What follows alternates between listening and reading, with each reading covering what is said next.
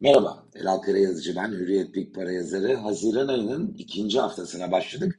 Aslında bir buçuk haftayı geride bıraktık. Dört buçuk haftadan oluşuyor bölüm. Yedi işlem günü ve bu yedi işlem gününde hem döviz kurlarında yüzde on iki nokta yedi kadar TL e, karşısında artış gördük. Hem borsada yüzde on beşlik bir yükseliş gördük. Aslında bence bu e, Haziran'ın ilk bölümünde yaşadığımız şey e, Haziran öncesi o seçim sürecinde ve öncesindeki aylarda çok stabil seyreden kurun seçim geride kaldıktan sonra kontrollü bir şekilde serbest bırakılmasıyla o ötelenmiş yükselişin tabelaya yansıması oldu. Kur yukarı gidince Borsa İstanbul'da ilk başta çok daha coşkulu bir performans ortaya koydu. Özellikle Mehmet Şimşek kararı büyük bir heyecan yarattı. Sonra döviz kurlarını yakalamakta zorlandı haftalık bazda baktığımızda e, bunu özellikle görüyoruz. Son 7 işlem gününde döviz kurlarında %13'lük yükseliş var. Borsada %10'luk yükseliş oldu. Üçte ikisi yansıyabildi. Ama daha geriye gittiğimizde 7 günle kalmayıp e, biraz daha geniş bakalım dediğimizde aslında borsa döviz kurlarındaki artıştan da fazla bir yükselişi sağlamış oldu. Şimdi bu bir fiyatlama mı? Aslında bence bu bir fiyatlama sinyal değil. İşte Mayıs seçim geride kaldı ve Haziran'ın ilk bölümünde döviz yükseldi, borsa yükseldi. Hayır, e, aslında o ötelenen hareket gerçekleşti dövizde. Borsada onun iz düşümünü yaşadı. Yoksa dolar bazında baktığımız zaman BIST 100 endeksi 2022 yılına 295 dolarla tamamlamıştı. 300 diyelim yuvarlak. 304'ü gördü çünkü yılın ilk gününde de. O 300 dolardan da e, yılın ilk 5 ayında 220 dolara kadar düştü. Bu çok e, dikkate değer bir hareket. Yukarıdan aşağı 80 dolarlık bir e, geri geliş, yüzde 25'leri bulan bir e, aşağı geliş. E, bunun da sebebi o yüzde 100 2022 yılında dolar bazı artmasıydı. Kabaca 150 dolardan 300 dolara giden borsa 220 dolara kadar takip eden yıl yani bu yıl gerilemişti. Şimdi nerede? 240 dolarda. Bence e, önümüzdeki süreçte biz TL bazında endekste e, çok fazla bir geri çekilme görmeyebiliriz. 5626 puanla işte en yüksek gördüğü 5700'e yakın. Fakat yıllık enflasyonun %40'larda e, seyrettiği, 40-50 bandı diyelim hatta biz buna. Şartlar altında TL bazında bakmak pekala mümkün ama enflasyondan arındırarak yapmak lazım. sadece nominal olarak borsa bu yıl gördüğü en yüksek seviyede dersek bu gerçekçi bir yaklaşım olmaz. Ee, daha basit olan da e, zaten endeksin değerini e, o günkü dolar kuruna bölmek hem geçmiş için hem bugün için ifade ediyorum.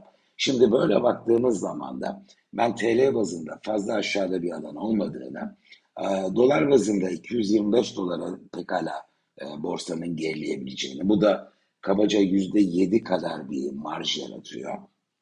Fakat daha ötesinde bir hareket. Diyelim ki 200 dolara gerileme. Yukarıdan aşağı yüzde on altılık bir hareket. Olur mu? İhtimali var ama bunun da olasılığının görece düşük olduğunu ifade etmeliyim.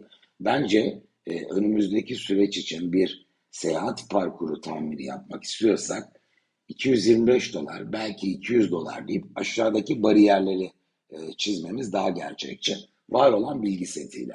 Yukarı doğru baktığımızda da ben yılın ikinci yarısını borsanın dolar bazında ana rota olarak pozitif geçirme ihtimalinin daha yüksek olduğunu düşünüyorum ve o yıla başladığı değer olan 295 dolar civarına bu yılın sonunda ulaşması, en azından yaklaşması e, daha şanslı yüksek senaryo olarak gözüküyor.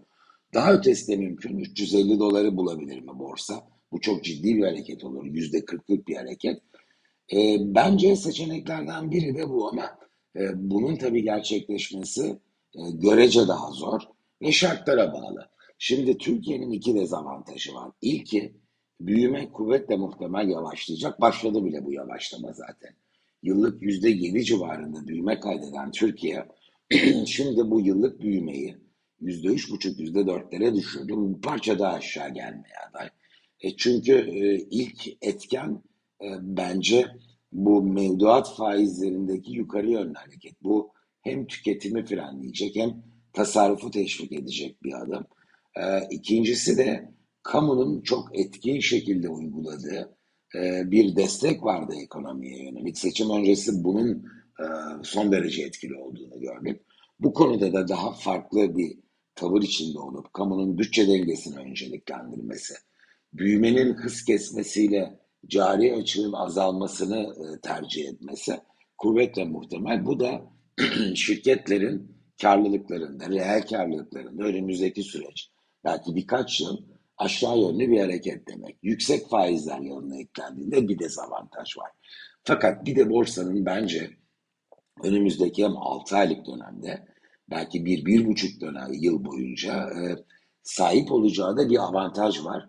Dünya borsalarında ılımlı tonla da olsa 2023 pozitif geçiyor ve Türkiye negatif ayrışarak 2023'ün ilk 5 ayında o diğer borsalara kıyasla pahalı olma sorununu büyük ölçüde ortadan kaldırdı. Ee, yaz aylarından itibaren ben e, borsalarla yukarı yönlü hareketin dünyada vites yükseltme ihtimalini kuvvetli buluyorum. Eğer bu gerçekleşirse bir noktada Türkiye görece geride kaldı diyerek ben yabancı yatırımcıların bu cepheye ilgi gösterebileceğini düşünüyorum. Ve o dış akımın etkisiyle de Borsa İstanbul'un dünyaya paralel ama dolar bazında olumlu bir seyirle önümüzdeki sürece e, tabelaya yansıtma şansının yüksek olduğu görüşündeyim.